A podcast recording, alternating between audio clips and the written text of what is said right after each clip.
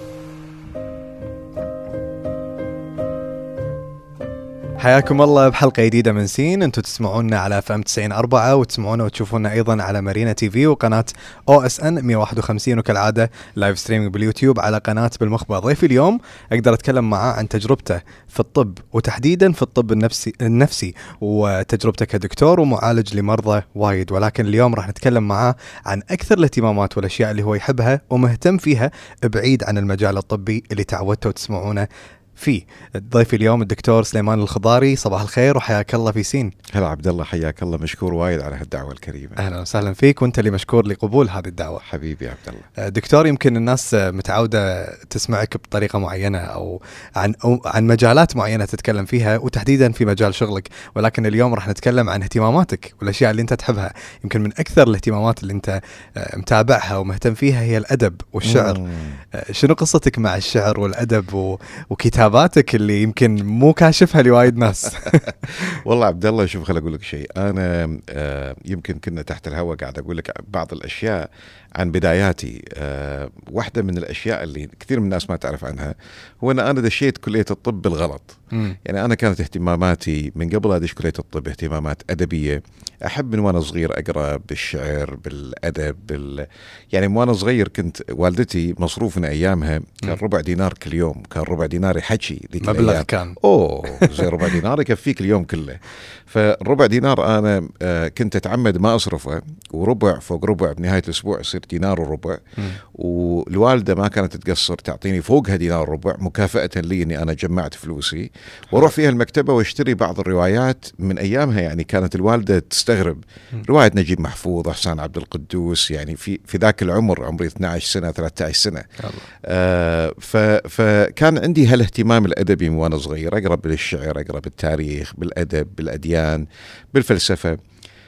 لكن قدري كان إن كنت طالب شوي شاطر وإحنا بمجتمعنا طالب يكون اللي يكون شاطر يكون اختياراته تكون محدودة في الحقيقة لأن المجتمع يتوقع منه إنه يروح يا طب يا هندسة. زين؟ ومتوقع منك دائما إنك تروح مجالات علمية يعني يستخسرك ويستخسر درجاتك في المجالات الأدبية مع إن المجالات الأدبية لا تقل أهمية عن المجالات صحيح. العلمية. فأنا من صغري الوالد والوالدة كانوا دائما يقولوا لي أنت دكتور أنت دكتور أنت دكتور. يوم اللي خلصت الثانوية العامة والدي ليلتها رحمة الله عليه قاعد معي كان يقول لي يبا الاختيار اختيارك. وين ما تبي تروح روح. قلت له ما ما أعرف. يعني أنا مبرمج صار لي 18 سنة. خلاص. على إني أنا أروح طب. يعني حتى إيدي ما تطاوعني أحط يعني ما أعرف أختار حق نفسي شيء ثاني. فدشيت كلية الطب ومن يوم ما دشيتها سبحان الله يعني كان يعني من من من اليوم الأول علاقة وطيدة من الكراهية. زين. صدق دكتور. ما حبيت. من أول شيء. من يعني تعرف اللي يقول لك حب من أول نظرة؟ أنا كانت كره من أول نظرة. سبحان الله الحين أنا صرت أستاذ في كلية الطب في جامعة الكويت. صحيح. لكن من البداية يعني الطب مجال إنساني وراقي وعظيم وهالكلام هذا كله بس للي يحبه. يعني ما في وايد في مجالات الطب خصوصا في المرحلة الأولى من الدراسة اللي هي ال medical school كلية الطب العادية. قبل لا تتخصص ما فيها وايد إبداع.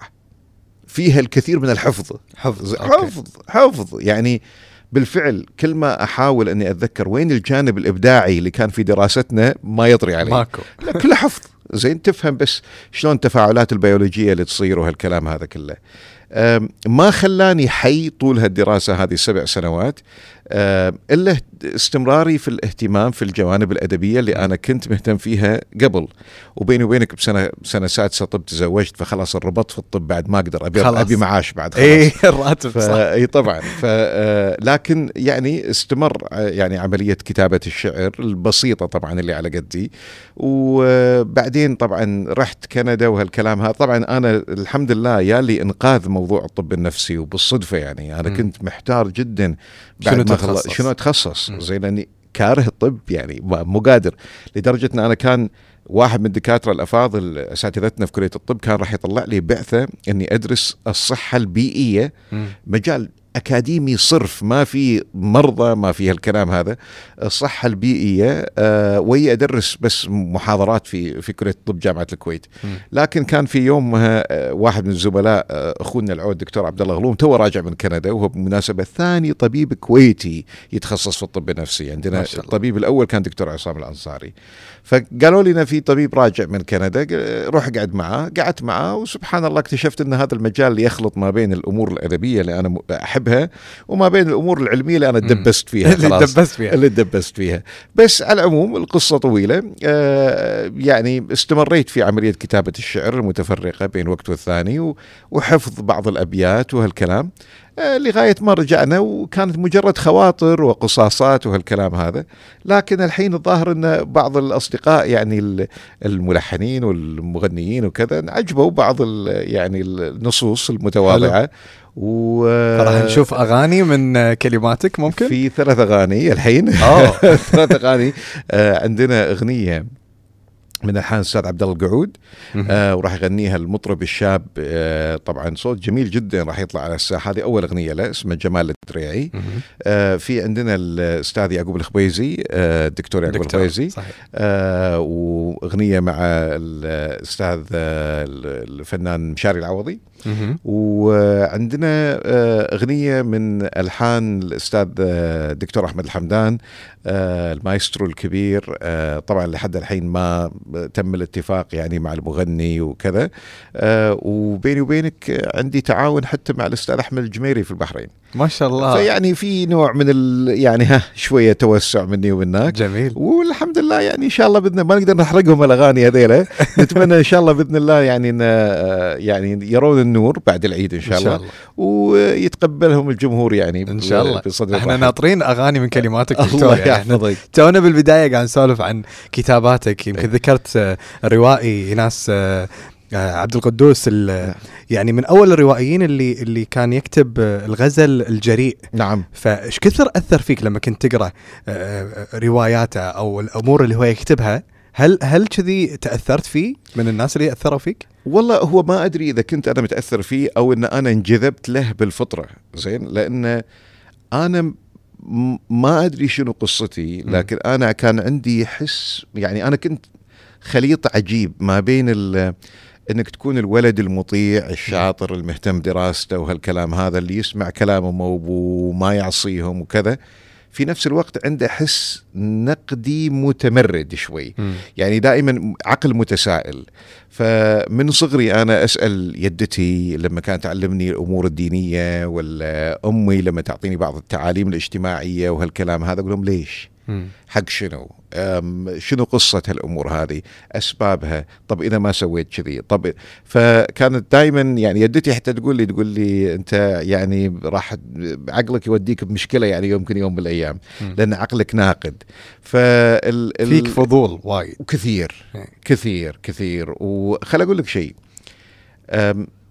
أنا يمكن كنت أكثر واحد أقرأ بأبناء جيلي أكثر م. واحد بالعائلة زين كنت اللي أحب أقرأ.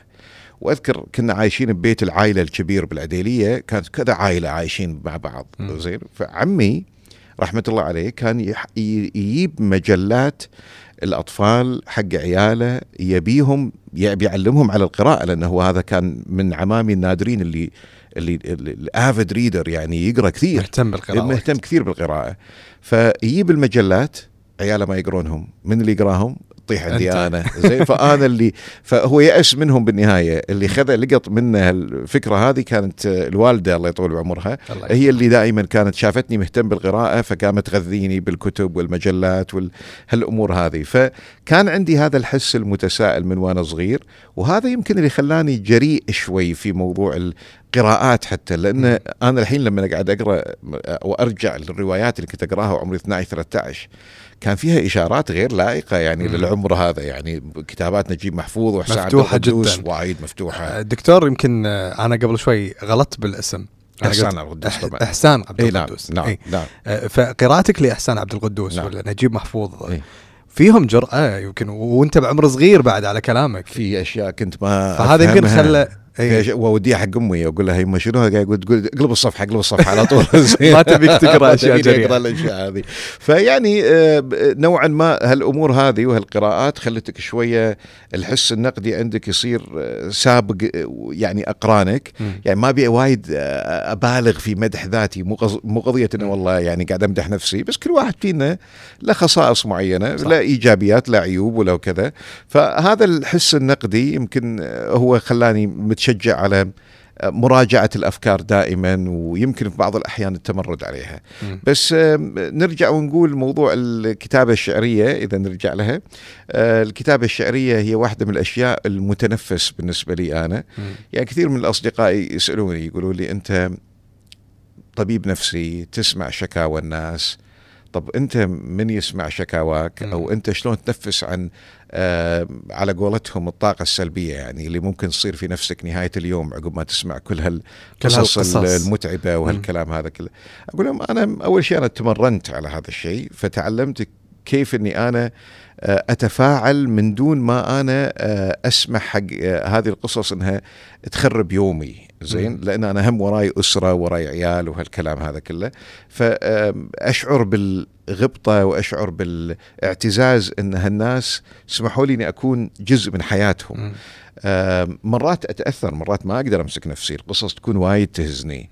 آه، لكن قلت لهم هي الهوايات. الهوايات اللي تساعدك على إنك أنت تحافظ على اتزانك النفسي وتستمر في آه، بالقيام بما هو متوقع منك سواء على المستوى الاجتماعي أو المهني وأنا واحدة من هواياتي إني أنا اخربش شوية في الكلمات تعبر. بس دكتور أنت كدكتور نفسي مم. تمر عليك قصص مثل ما ذكرت قصص يمكن أنت ما تتوقعها نعم لأن ال- كل بيت في أمور تصير ما حد يعرفها و... وانت يمكن أقرب لهالحالات من حتى الناس القريبة منهم اللي يخافون يقولونها حق ربعهم وأهلهم يقولون لك إياه أنت. صحيح. فأكيد هذه الأمور لما أنت تسمعها تأثر فيك وتكون جدا صعوبة بالنسبة لك إنك أنت شلون تتعامل إنك تعدل مزاجك أنت. مم. غير إنك أنت تتعامل معهم وهذا جانبك جانب آه، وظيفي. نعم. آه، بعد ما أنت تسمع هذه القصص ويمر اليوم شلون تدخل البيت وانت مبتسم؟ يعني شنو اللي يخليك آه، ترتاح قبل لا؟ لأن هذا يسبب ضغط. الناس بالبيت أو أهلك بالبيت أوكي يعذرونك مرة ومرتين وثلاث وعشر ولكن أكيد في وقت من الأوقات دخولك عليهم وانت متضايق ما راح يكون شيء سهل أو حلو بالنسبة لهم. ما راح أدعي المثالية وايد وأيام كثيرة رجعت البيت وأنا نفسيتي مو زينة وأنا متأثر بكثير قصص سمعتها. خصوصا لما تكون بعض التجارب اللي أنت قاعد تسمعها تجارب متعلقة بالفقدان. يعني وخصوصا لما يكون الفقدان قاسي آه، فقدان ابن أو بنت يعني الضنع وايد وايد وايد صعب جدا يعني صح فبعض القصص آه، تهزني لدرجة أن أنا يعني أنا أعترف أن أنا يمكن مرتين أو ثلاث في حياتي ما تمالكت نفسي أثناء جلستي آه، مع مع أحد مرضاي وانهمرت دموعي. ما قدرت أمسك نفسي مع انه يمكن آه، أساتذتي في كندا لو يسمعوني بهالاعتراف يزفوني لأن هم. خمس سنين قاعد يدربوني كيف إني أنا أتمالك مشاعري، لكن بعض الأحيان الجانب الإنساني يغلبنا. آه، ما نقدر نتعامل مع فيضان المشاعر هذا اللي قاعد نشوفه قدامنا. لكن أنا شخصيا أحرص على إنه يكون عندي ريتشوالز معينة. مم. أول شيء أنا لما أخلص طقوسك. عيادتي طقوسي. أي. زين. لما أخلص عيادتي أنا ما أطلع على طول البيت أول شيء أخلص العيادة آه، أخلي أتأكد إن كل المرضى غادروا الستاف ال- بالعيادة كلهم غادر آه بعدين أطفي ليتات العيادة آه ما عدا غرفة مكتبي يعني يعني ليتات مكتبي آه واقصر الليتات شوية وأشغل موسيقى. زين؟ و آه، يعني أقعد تقريبا ربع ساعة أو نص ساعة ما أتكلم أصك تليفوناتي أصك كل شيء ما أتكلم ما أرد على أحد. هذه الخلوة مالتي نص ساعة تقريبا يوميا قبل أرجع البيت هذا شيء أساسي عشان أحس بالراحة النفسية. قبل لا أني أنا أطلع البيت لأن أنا متوقع إذا رحت البيت يعني شق ثاني من أدواري لازم ألعبه هناك صح. هم بالنهاية منتظرين أبوهم يدش عليهم أو بالنسبة لزوجتي منتظرة زوجها يدش عليها فعندها وايد قصص تبي تقولها مم.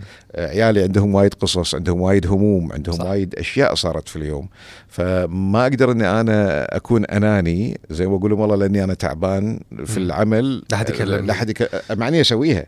أحيانا أسويها تكون أكون منزعج مثلا أو بضغط العمل خصوصا أن أنا أستاذ في الجامعة فأروح أدرس صباحا وأسوي بعض الأعمال بالمستشفى أو بال... بال... بالعفو بالجامعة. وبعدين العيادة خمسة أو ست ساعات فمرات تكون أنت خلاص واصل آخرك. فما بيدعي الكمال تلاقيني أحيانا أروح البيت وأقول لهم ما يخالف اعطوني أنتم الحين أعطوني النص ساعة مالتي. ما ما خذيتها مثلا في في الدوام فيعني الحياة كلها ترى تجارب يعني صح. صح. مرات أنت تخطئ ومرات تصيب مرات تنفعل على الناس اللي أنت تحبهم وتتوقع منهم إنه يتفهمونك مم. خصوصا إذا كان في في نفسهم لك رصيد يعني يعني لا زال في عندك رصيد يعني عندهم فبالتالي يروح منه شوية من فوق. ترجع مرة ثانية تترسم مرة ثانية بالأيام اللاحقة صح آه، دكتور راح نروح حق البلاي ليست دام ذكرت الموسيقى راح نروح حق الأغاني اللي أنت اخترتهم. آه، ونسولف عنها أكثر آه، الأغنية الأولى اللي اخترتها الفنان عبد الله رويشد. وحشت الدار أغنية نزلت في ألبوم أتمنى في 2009 آه، شنو سبب اختيار هذه الأغنية؟ هذه الأغنية مرتبطة وايد في خيالي بصورة والدي رحمة الله عليه. الله يرحمه. ووالدي توفى قبل ثمان سنوات. آه، كنت أتمنى لو كان لا زال معانا خصوصا في هذه الأيام تحديدا لأن والدي كان وايد متعلق في ابني اللي هو أول أحفاده آه، الذكور. لأن عنده مريم بنتي الأكبر من يوسف. الله يحفظه. آه، فيوسف هذا كان يعني قرة عينه وهالسنة بالذات يوسف بدش الجامعة. فكنت متأكد لو والدي كان موجود معانا هالسنة راح تكون سنة استثنائية في حياته وراح يكون وايد وايد سعيد والفرحة مو سايعته يعني. فبس بغيت أقول حق أبوي وحشت الدار. راح نرجع مرة ثانية حق الشعر. لأنه بتسمعنا شيء ونبي نسمع. طيب يا صديقي آه خلنا أسمعك هذه. شو اللي تبين؟ شو اللي تبين؟ يا أجمل آهات الهوى وأحلى غصات السنين شو اللي تبين؟ شو اللي تبين؟ يا دمعة مختلطة بفرح ويا ضحكة القلب الحزين شو اللي تبين؟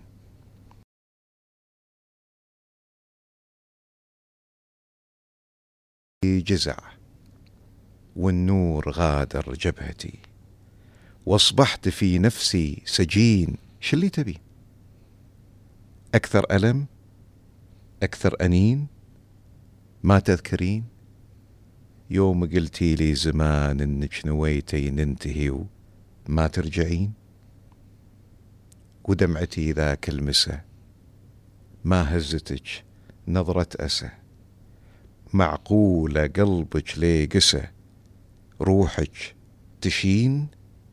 ما قلتي يا عل وعسى دام النوايا صافية ربك يعين؟ شو اللي تبين؟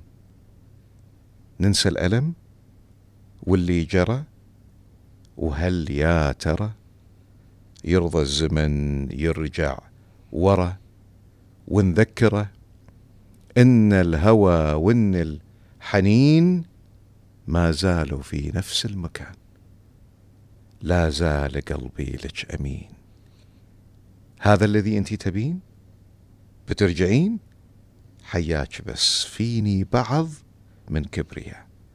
وبدعي إني رزين واسوي روحي ما أبي واحلف يمين واقول لا لا تحاولين. أقول لا لا تحاولين. مكابرة وارجوك حتى لو حلفت لا تصدقين. الله الله. الله صح لسانك الله دكتور. يحفظك حبيبي. هذا. مخش خاشه وين هذا؟ هذه راح تكون من الأغاني ولا لا؟ آه يعني هذه يبي لها واحد آه يعني ي ي يعني يستسيغ هذا اللون. زين؟ لأن الآن الأغاني صاير آه، يعني آه، خل أقول لك شيء. أنا معظم الكلام اللي أكتبه بهذا يعني الشعر الحر ال- ال- العامي والعربي الفصيح أيضا.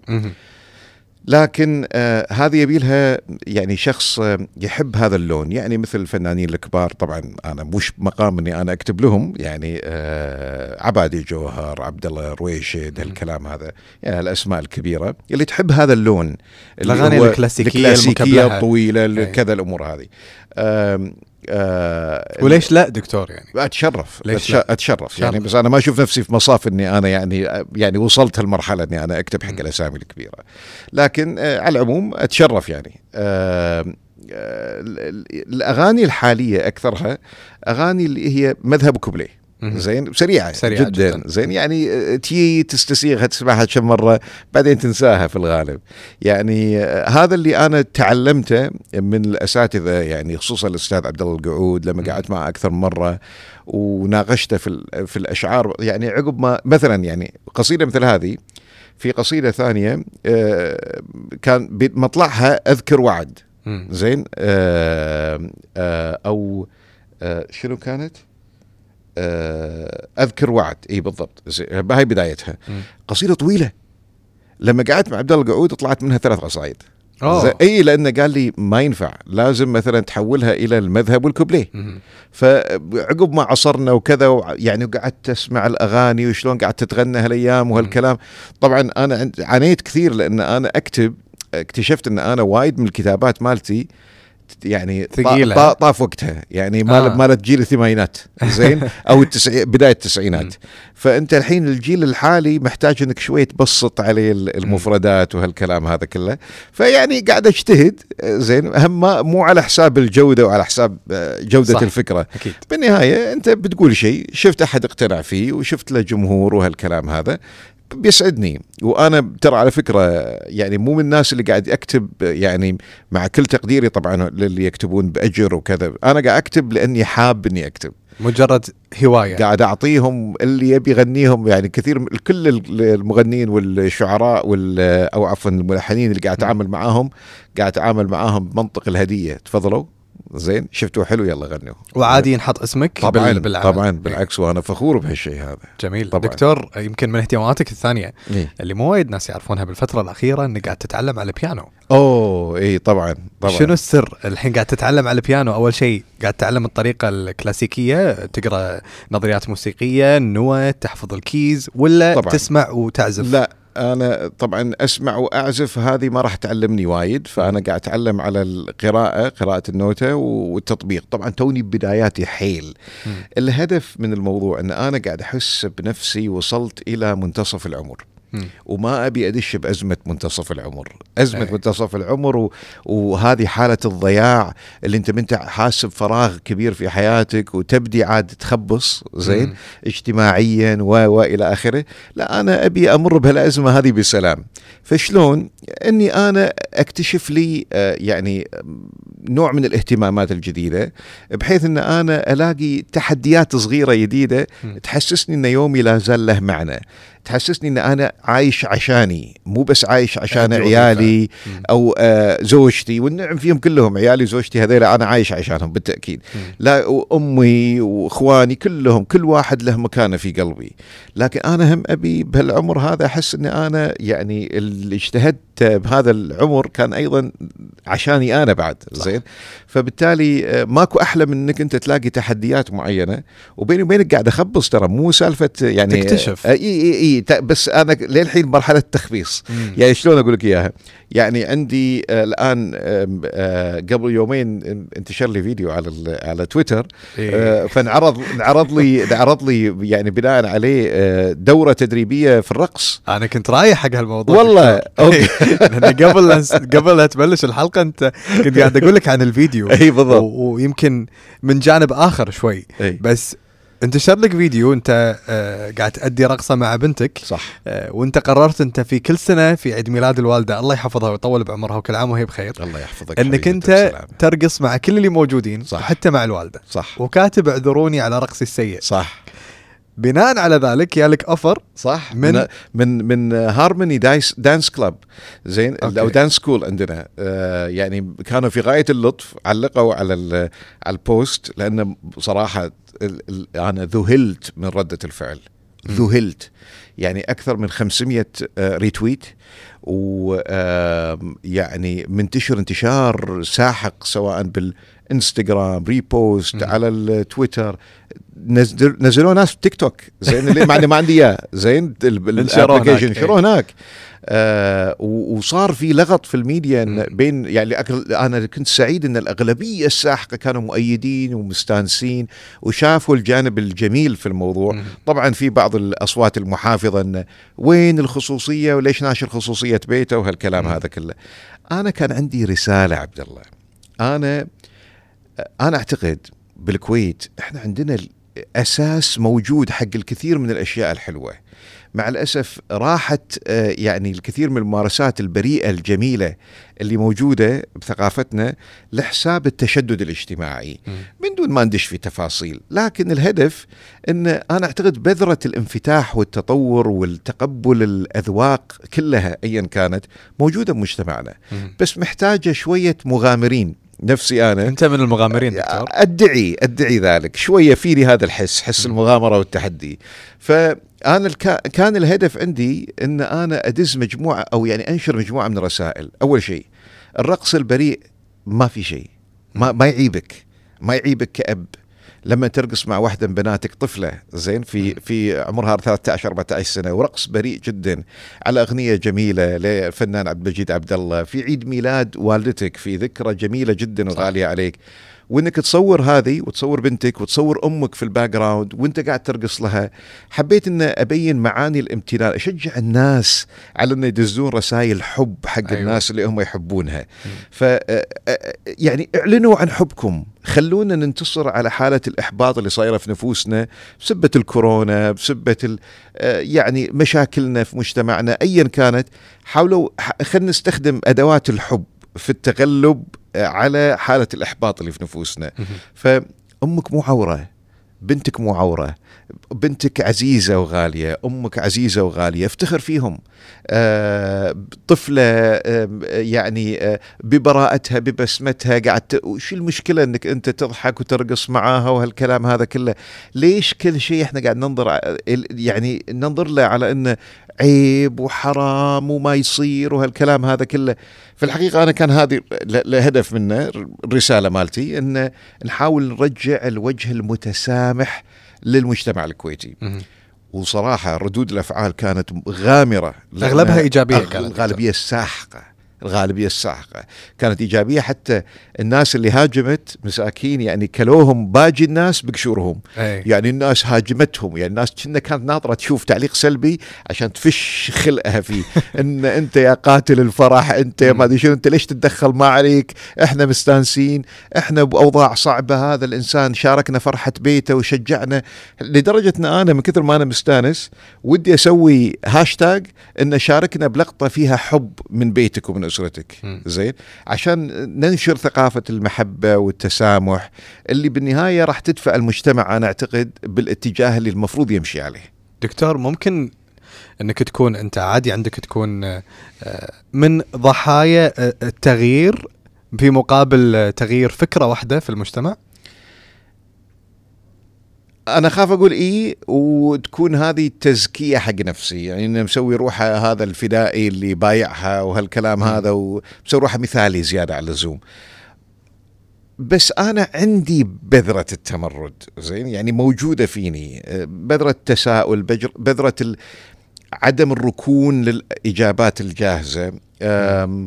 وبعدين أنا أعترف لك اعتراف وهذا واحد من أصدقائي الفترة الأخيرة اكتشفه. قال لي ممكن أقول لك شيء قلت له شنو؟ كان يقول أنت ذكي جدا لكنك لا تتمتع بالذكاء الاجتماعي مم. زين قلت له أنا قاعد أفكر في نفس الموضوع بس فهمني شنو قصدك عشان أشوف اللي أنت فاهمه نفس اللي نفس أنا في. بالي كان يقول لي أنت ما عندك سالفة إن أنا خلني أفكر قبل لا أني أنا أتكلم. اللي تبي اللي قاعد تفكر فيه تقوله ما تقول خل أحسبها أشوف ردة فعل هذا ولا ردة فعل هذا. قلت له والله أنت كلامك سليم. أنا بالفعل كذي. وعشان كذي يعني أنا كنت في فترة من الفترات من الحالمين حتى في المجال السياسي. صح. وكنت أبي أدش في موضوع السياسة وهالكلام هذا اكتشفت إنه ما ينفع لي. أنت قاعد توديني حق محور محور بروحك. والله. أنت المقدم والضيف لا العفو. يا صديقي العين ما تعلى على. حاجة. بس القصد انه انه انه قال لك أنت ما تنفع ل- ما ت- ما تنفع للسياسة. زين؟ قلت له بالفعل أنا الحمد لله طلعت لأن اكتشفت إني أنا ما أنفع لها لأن السياسة يبي لها يعني ذكاء اجتماعي ذكاء اجتماعي حسابات. حسابات م- أأجل وجهة نظري أعرف أقمت وجهة نظري حتى لو شايف شيء حارق دمي ودي. أتكلم أنا ما أعرف. أنا شيء حرق دمي لازم لازم أقولها بنفس على اللحظة. طول. ما عندي أولويات في كلامي. فما راح تنجح على نجح. الانتخابات ما والتصويت ما نجح ما نجح نهائيا أنا أعرفها. فبالتالي قلت طيب أنا أدري إن أنا كنت لما بدش الانتخابات كنت بدش عشان عندي أفكار رومانسية خدمة بلدي كذا مو عشان أبي يعني أستربح من وراء الموقع البرلماني. فقلت طيب خل مدام أنا عندي هدف تغيير خلينا أغير في مجالي مجال الطب النفسي الانعكاس دوري كطبيب نفسي على المجتمع وثقافته الاجتماعية. فقلت طيب خلني أنا أعبر عن آرائي مدام أنا أبي أغير خلني أنا أكون صد صريح وصادق. طيب شنو ثمن هذا؟ ثمن هذا إنه راح تحارب. آه، بس أنا مقتنع إن معظم الناس اللي يحاربونك في البداية إذا استمريت على نهجك وكان نهجك مبني على الصدق وعلى معلومة سليمة. زين وعلى منطق قوي ردة الفعل هذه اللي تصير في الأول تخفت وايد. والناس تبدي تفكر في الكلام اللي انت قاعد تقوله. فيعني أنا ما أبي الحين أضيع وقتك وإني أثير كل النقاط اللي أثرتها طول السنة اللي. طافت. يعني تكلمت بوايد مواضيع صح. عليها لغط اجتماعي صح. وهالكلام هذا. لكن أنا تفاجأت انه كثير من الناس اللي هاجموني في بداية السنة لما أثرت بعض المواضيع على ال- ال- الفضاء العام الآن قاعد يكلموني يقولوا لي والله بدينا نعيد النظر في الكلام اللي قاعد تقوله. شفنا صدق دكتور إي والله كثير. يقولوا لك إن عندنا النظر إحنا كنا ضدك. كنا ضدك وصرنا معاك. كثير. كثير. بس يخافون يطلعون يخافون. قدام واحد الناس. منهم قال لي صدق أنا الحين موافق على كلامك 100% بس لو الحين نطلع مع بعض وواحد يسألني عن أفكارك أقول له أنا مالي شغل. زين؟ أنا صراحة أقول لك إياها مو ما عندي استعداد إني أنا أخسر اجتماعيا عشان ارائي أشك... قلت له أنا أحترم شجاعتك وصدقك. زين؟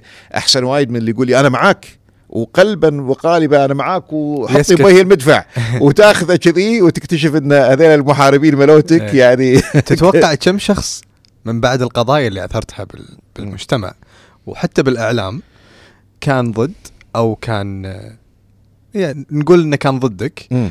اليوم هو مأيدك ولكن سرا وايد أكثر من أول؟ اوه وايد. أنا أعتقد طبعا جيل العشرينات ال- الشباب اللي عمرهم بالعشرينات يعني أكثر من 60 70% معي.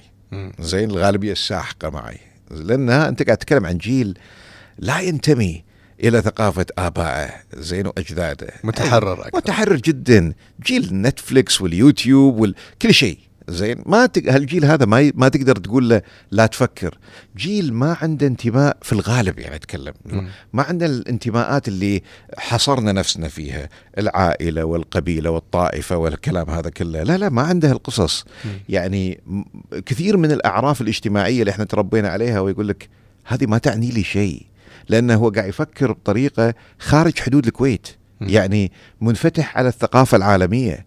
هذه ال YouTube وال social media والكذا خلت الناس منفتحة على كل الثقافات الموجودة حول العالم فهم مو حاصرين نفسهم في في عاداتنا في عاداتنا وتقاليدنا. فقط في الكويت اللي بعضها زين وبعضها ترى مو مبني على أسس يعني منطقية. فبالتالي ما لازم نوقف عند الأشياء اللي إحنا كنا واقفين عندها في ذاك الزمن في كلمة مأثورة عن أعتقد الإمام علي يقول فيها لا تقصروا أبناءكم على أخلاقكم فإنهم خلقوا لزمان غير زمانكم تخيل لهذه الدرجة. أخلاقكم لا, تخل... لا, لا تقصرونها لأن مفهوم الأخلاق أيضا مفهوم نسبي ويتغير عبر الأزمنة. لذلك أنا أعتقد الأغلبية الساحقة من جيل الشباب يعني معاي. آه الكثير من الناس اللي من جيلي معاي بس يخشون. آه طبعا طبعا اللي الجيل اللي أنا خاسرهم الجيل اللي أكبر مني طبعا. يعني مم. يعني خصوصا من الناس اللي كانوا يعرفوني على المستوى الشخصي. وايد ناس يعني زعلوا مني على الأفكار اللي طرحتها. خسرت أشخاص بسبب آرائك. كثير. كثير. لأي درجة؟ يعني قطيعة نهاية تنتهي؟ قطيعة قطيعة. قطيعة. أوه أنا عندي يعني في ناس حطوني بلوكات على يعني عشان المستمع يفهم أنا أثرت في بداية السنة موضوع وجهة نظري في تقنين مواد بعض أنواع المخدرات التي أرى أنها ليست مخدرات زين أو علميا المفروض نتساهل في التعامل معها لآثارها الإيجابية أو السلبية غير يعني محتملة. فبالتالي تدفعك بعيدا عن المخدرات الخطرة جدا اللي موجودة واللي معظم المصايب والإجرام قاعد يصير. بسببها مثل الشابو وغيره والكبتيجون والكوكايين وهالكلام هذا كله. بالإضافة إلى أني أنا أعتقد أنه يجب أن نعيد النظر في القوانين المنظمة لاستخدام الكحول عندنا في الكويت. مو مجال الحين نقاشنا لكن بالبداية هذا اللي أثرته في هذا اللي السنة. وصار في لغط والآن صار الموضوع يثار بالنقاش بشكل وايد أريحي يعني بمواقع التواصل الاجتماعي ما يثير نفس اللغط اللي أث- أثرته أنا كأول واحد يعني. تكلم في الموضوع هذا. والكثير من الناس الحين قاعد يتناقشون فيه بطريقه يمكن حتى أحسن من الطريقة اللي أنا أثرتها فيه آه، في البداية. وهذه ترى الأفكار كذي. لما أنت يكون كلامك مبني على أسس معينة سليمة تعتقد وتصملها تحمل الضربة اللي تجي لك في البداية الأولى بعدين تلاقي الناس they will follow. يعني أنا طبعا حصلت ناس قاطعوني حصلت ناس طلعوا بيانات فيني بيانات دينية في- بيانات دينية؟ قريبا من التكفير طبعا خطبة. جمعة خصصت للرد علي في واحد من المساجد وهو آه. من من خطيب خطيب دين يعني من شيخ دين صديقي كان. زين قبل قبل الموضوع هذا وأنا رديت عليه بمقاطع على اليوتيوب وهالكلام هذا في عندي أصدقاء يعني حسبة مربينا يعني هذا الجيل الدين الكبير زين اللي كنا معاهم في المسايد وكذا بعضهم كان شبه إرهاب يعني معك. يعني في واحد عندي للحين مسجاته يقول أنت يا- تونا ندري إنك أنت تعرف أحسن من الله كذي لهالدرجة يعني قاعد يقول لك. آه، من باب إنه قاعد يستعظم إنك أنت تطرح الأطروحات هذه. أنت أنت. منو أنت اللي تطرح هالكلام هذا ضد شرع الله وهالكلام هذا كلام أنا مو ضد شرع الله. ما قلت حل- حلال. زين قاعد أقول انت موضوعك غير ديني. تقنين غير ديني. زين الحلال بين والحرام بين يعني ما لنا علاقة. الشغلة الثانية طبعا طبعا وعندي فويسات ناس دازت لي مثل أشبه تهديد بالتهديد. دكتور؟ يعني ما يقترب بالتهديد. يعني واحد يقول لك آه سترى أثر عملك وما أدري إيش وكذا وإحنا لو كنا في دولة فيها مسؤولين آه جادين في عملهم أنت لازم توقف عن العمل. لهالدرجة أو تفصل من العمل. هالكلام ما يخليك تعيد حساباتك دكتور؟ أنا عنيد. مم. زين و صعب استفزازي بم... تستفزني بمعنى تطلعني من طوري أتهاوش معاك؟ اي بس تستفزني بمعنى إنك تخليني أتراجع عن أفكاري لا مستحيل. أعتقد صعبة. أعتقد صعبة.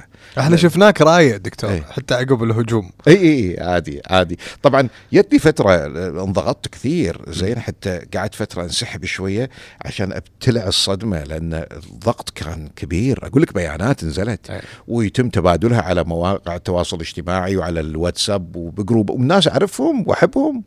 فحتى بعضهم أنا تواصلت معهم قلت له طيب اعتبرني أنا إنسان ضيعت دربي غلط. انصحني. ليش تطلع فيني بيان. أنت تعرفني هالدرجة جد. اي دق علي. يعني على الأقل اديني نصيحة. قول افترض إن أنا مشتبه في رأيي. زين؟ والله إذا نصحتني يمكن أتراجع عن رأيي. طب انصحني قبل لا تروح تطلع عني بيان. زين؟ فيعني كان في هزه على المستوى مو الفكري هزه على المستوى الإنساني. بس أقول لك شيء. التجارب مشغال للعلاقات. للعلاقات. يعني تصفيها. ف راضي عن الشخل راضي على. الشخلة الأخيرة؟ وايد. بالمشخال مالك لأني تحررت من ناس اكتشفت إن أنا إيش كثر كنت قاعد أسوي كنترول على نفسي وعلى أفكاري خوفا من حكمهم علي. مم. أو رغبة أو حرصا على استمرار علاقتي فيهم. يعني اكتشفت إن أنا إيش كثر قاعد أخسر ذاتي مم. وما أقدر أخسر حريتي في تعبيري عن ذاتي وعن أفكاري.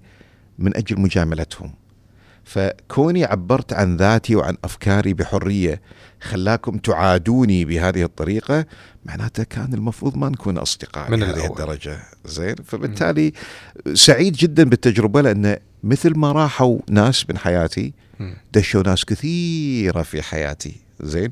أكثر صدقا آه، أكثر انسانيه أكثر تفهما آه وأنا محظوظ فيهم. يعني على كثر ما كنت بداية الأزمات كل أزمة أدش فيها شنو هذا؟ كنا صار ضرب وايد كذا. أكتشف إنه سبحان الله يقول ان مع العسر يسرا. زين؟ سبحان الله يصير في عندك فرج وتلاقي الأمور مترتبة لك بطريقة أفضل وايد من اللي أنت كنت متخيل في البداية. جميل.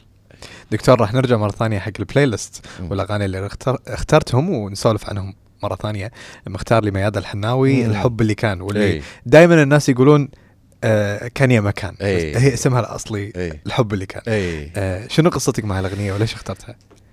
أنا من عشاق بليغ حمدي. زين وبليغ آه هذه من التجارب القليلة في كتابة الأغنية وتلحينها زين هو كاتبها وملحنها آه وبعدين بليغ عانى الكثير من آه نكران الجميل م. وهذه الأغنية صح فيها جانب عاطفي لكن آه شوفها لما تسمعها تتكلم آه أنا الحب اللي كان نسيته أوام على غدر يا نسيته يا سلام على غدر الإنسان. والله زمان زين؟ يا هوى زمان. وكان يا مكان. أنا كل ما أسمعها تخيل شلون كانت الحياة بسيطة وأنا صغير وكنت أطالع الأمور بحسن نية وبعدين بديت أكتشف أن أوه الدنيا فيها غدر الدنيا فيها كذا. فتقلب علي المواجع بس تواسيني بنفس الوقت. لأني أحس أن أنا مو بروحي بهالمعاناة وناس ثانية عانوا وعبروا عن معاناتي بطريقتهم وبإحساس جميل. دكتور يمكن آه، إحنا طماعين. ما حبيب. شبعنا من قصيدة واحدة نبي قصيدة ثانية. أها زين ما دام تكلمنا في القصائد اللهجة العامية نقول لك واحدة هذه أنا أسميها من النزاريات لأن النزار قباني اثر أثر علينا كلنا. صحيح. فهذا الشعر الشعر التفعيله فأقول فيها شهر مضى. شهر مضى ونارها لن لم تنطفئ. في كل ركن من فؤادي قد تجد آثارها في جانب سريرها وآخر لدارها. أقلب النظر الخجول مستطلعا أخبارها. ما حالها؟ ترجو لقائي لم تزل أم صورتي قد غادرت أفكارها؟ أأنني حلم جميل لم أزل؟ أم هل تراني عارها؟ رحلت والكون أمسى تائها. كليلة مهجورة قد خاصمت أقمارها. أو آلة العزف الجميل تقطعت أوتارها. والروضة الغناء حين توقفت أمطارها جميلتي. إني أحبك لم أزل. إن كان شك في كلامي فاسألي حرس السماء واسألي جبارها. لا أبتغي مما أقول تملقا ولا لذاك قصيدتي تراقصت أشعارها. كل الذي أرجوه شيئا واحدا خيرها وبشرها وأن تظل جميلة وبهية وسعيدة. لا حظ سوء قد ينل أقدارها. هل قلت شيئا واحدا؟ ما بي إلا شيء واحد يا للكذب وآخر هو أن أظل حبيبها وحبيبها وحبيبها. وذكراي أجمل صورة تملكت كيانها واستوطنت أسرارها. سلامتك صح لسانك دكتور. الله يحفظك حبيبي الله ما شاء الله. يعني بالعامية وبالفصيح. الله ما شاء الله. إحنا إحنا كذي شوقتنا حق الأغاني. إن شاء الله. عسى بس هالكورونا هذه تلطف فينا بسرعة عشان نخلص إن شاء الله. لا لا الأمور طيبة لقدام إن شاء الله. يا حبيبي أنت عبد الله الله يحفظك. دكتور يمكن سالفنا شوي عن السياسة وحبك لهذا المجال. وكنت تبي ترشح نفسك وكنت تبي تكون سياسي ولكن اكتفيت بأنك تكون بالمجتمع وتعبر عن آرائك في ال social media وفي الإعلام نعم. بس لو كنت سياسي مم. لو كنت في مجلس الأمة مم. نقدر نقول أو مم. مرشح مم. شنو كنت أو شنو كان ودك تغير مم. لو يطري على بالك شيء أنت مهتم إنك ودك تغيره اليوم أول شيء أي. تعليم أول شيء التعليم شوف لا ينصلح حال أمة التعليم فيها مو تمام أنا أعتقد التعليم عندنا متدهور ومخرجات التعليم عندنا سيئة جدا على كل المستويات وهذا منعكس في المراكز المتأخرة اللي يحصلونها طلبتنا في الاختبارات الدولية اللي يدشون فيها والمسابقات الدولية. م. فبالتالي أنا أعتقد إن راح أغير منهجية التعليم هذا كله، أروح أشوف الدول اللي موجودة برا زين الدول المتقدمه شنو قاعد تسوي من مناهج تعليمية وأستعير هذه البرامج وأحاول بس إني أنا أخليها أكثر محلية. م. هذا واحد. اثنين آه راح أحط المدرسين في الخلاط. يعني شلون؟ يعني الطلبة المدرسين ما راح أخليهم يدرسون في نفس المناطق اللي هم عايشين فيها. يعني أبي المجتمع يختلط ببعضه.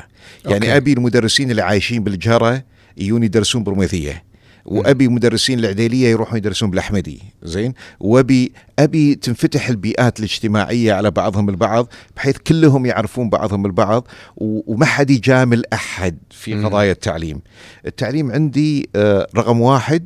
الرقم اثنين طبعا غير موضوع الصحه يعني بالتاكيد مهم جدا. التعليم وأيضا المجال الفني. لا أنا أعتقد الفن مرآة الشعوب. وأنا بصراحة أقول لك إياها وأنا أعتذر من إخواني القائمين على الحقل الفني في الكويت بالفترة الأخيرة. أنا زعلان على اللي قاعد أشوفه في التلفزيون. ما قاعد أشوف أعمال تليق بالأسماء اللي أنا قاعد أشوفها تمثل فيها. يعني لا حوار لا منطق لا كذا لا قضية.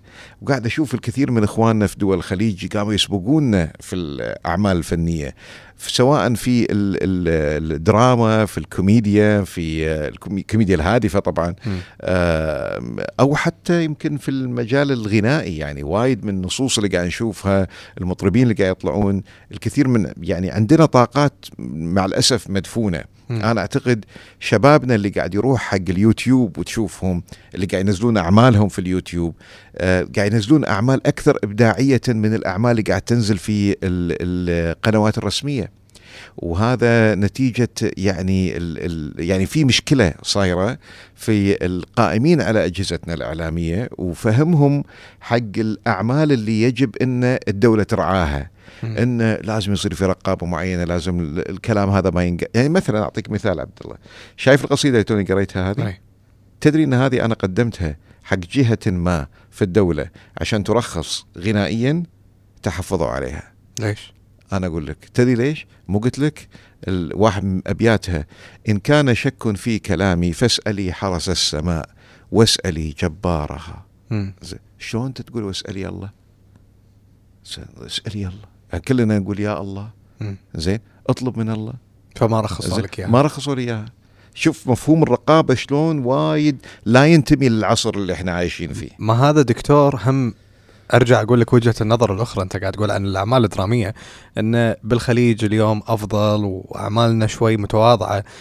هذا هم من باب آخر ممكن يقولوا لك الفنانين والمنتجين للأعمال الدرامية إنه رقابة.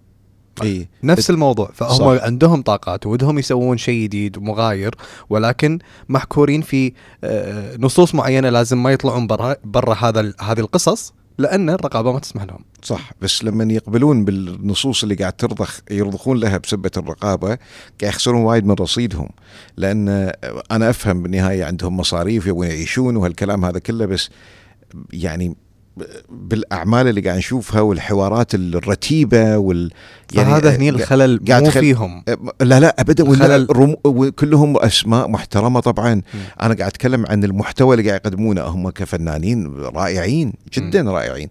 أحترم كل الأسماء اللي قاعد تقدم أعمال على على المستوى. يعني يعني كل أسماء لها تاريخها. لكن أقصد ما قاعد تشدنا. ما قاعد تشدنا. بينما يعني روحوا طل انطلقوا خارج آفاق التلفزيون الرسمي. روحوا شوفوا تمويل بدول الخليج روحوا شوفوا خارج ال... شوفوا شوفوا لكم صرفة يعني زين؟ عشان تقدموا لنا عمل نفس خالتي قماشة نفس خرج ولم يعد نفس يعني أعمال العمالقة اللي كانت يعني ننتظرها. يعني أنا أعتقد لا زلنا قادرين على على تقديم أشياء رائعة في الكويت. أرجع وأقول لك في جروبات فنية من الشباب الصغار سوت جروبات على اليوتيوب قاموا يسوون حلقات على اليوتيوب. صح. اللي تشوفه جبار. يعني ما تطالع المسلسلات اللي بالتلفزيون تطالع هالأشياء هذه لأنها أكثر صدقا مو خاضعة لمفاهيم الرقابة، نعم بعضها قد يتخطى الخط الأحمر اللي إحنا متعودين عليه بالتلفزيونات الرسمية، لكن صادق وكلنا قاعد نشوفه. وكلنا ندري إن هذا بالفعل حقيقي وحتى لو قبلنا يعني فهمنا إن في بعض الألفاظ الخارجة ولا الكلام هذا إحنا ما قاعد نتعامل معها بطريقة فيها حساسية ندري هذه موجودة في. في, في مجتمعنا. فبالتالي يعني اتجهوا ناحية قنوات أخرى لنشر أعمالكم. صدقني آه، راح تلاقي آفاق كثيرة بس إذا أنت حاكر نفسك في المجال الرسمي هم هم ترى قاعدين يسوون هذا الشيء. إيه. بالسنوات الأخيرة في أعمال قاعد تتسوى خارج الكويت. صح. فبالتالي ما عليها الرقابة الموجوده بالكويت. صح. في أمثلة كثيرة ما أبي إيه. أنسى أعمال إيه. وأذكر أعمال على حساب نعم. أعمال ثانية. ولكن آه، ومتابعة وعلى فكرة تتعرض لهجوم بشكل مو طبيعي لأنها جريئة. اي لا طلعوا برا. اي أنا أقول لك وجهة نظر الفنانين طلعنا برا. إيه. سوينا أعمال. اي قلتوا عنها جريئة. اي جينا بالكويت سوينا أعمال قلتوا عنها آه، متواضعة ومكررة ورقابه اي فهذا بين هذه وهذه يعني. أنا بقول لك بكل صدق. زين؟ اسأل أي واحد كويتي زين الآن تقول له اطالع مسلسل لناصر القصبي ولا تطالع مسلسل آخر ايا كان هالمسلسل هذا بيقول لك الغالبية راح أقول لك يقولوا لك ناصر القصبي. ليش؟ غير الفكاهة يعني ال ال- التلمس يعني الجرأة في الطرح تلمس ال- المناطق اللي إحنا كنا نقول عنها يعني بالدراما السعودية أو بالكوميديا السعودية. تشوف تطرق لقضايا المجتمع السعودي. صح. تشوف لي ال- المجتمع السعودي مجتمع غني ومت... غني وم- ومتنوع. فيه المنطقة الشرقية والشمالية والغربية والجنوبية ونجد وما أدري إيش وكل منطقة فيها لهجة وثقافة ومذاهب وأديان. وإلى آخره. فتلاقي آه، يتعرضون حق هالقضايا هذه. اختلاف لهجاتهم وهالكلام هذا. وبطريقة ذكية وسلسة ما فيها حساسية واستفزاز الجهات الأخرى. بل الهدف هو تقريب المسافات ونقد ال- المشاكل اللي موجودة عندهم في مجتمعهم في ظل قالب من الكوميديا الهادفة هذا مو موجود عندنا. مو موجود عندنا. كان موجود عندنا. كان موجود. قاعد أقول لك مو موجود حاليا. م. كان موجود عندنا. يعني إحنا يا عمي إحنا إحنا الديرة اللي طلعت عبد الحسين وسعد الفري وسعد عبد الله وحياة الفهد الأسماء الكبيرة مريم طبعاً. الصالح مريم الغضبان علي المفيد الاسماء غانم الصالح الاسماء الكبيرة الجباره هذه. صحيح. زين. لكن ال- الآن الوضع ما يسر.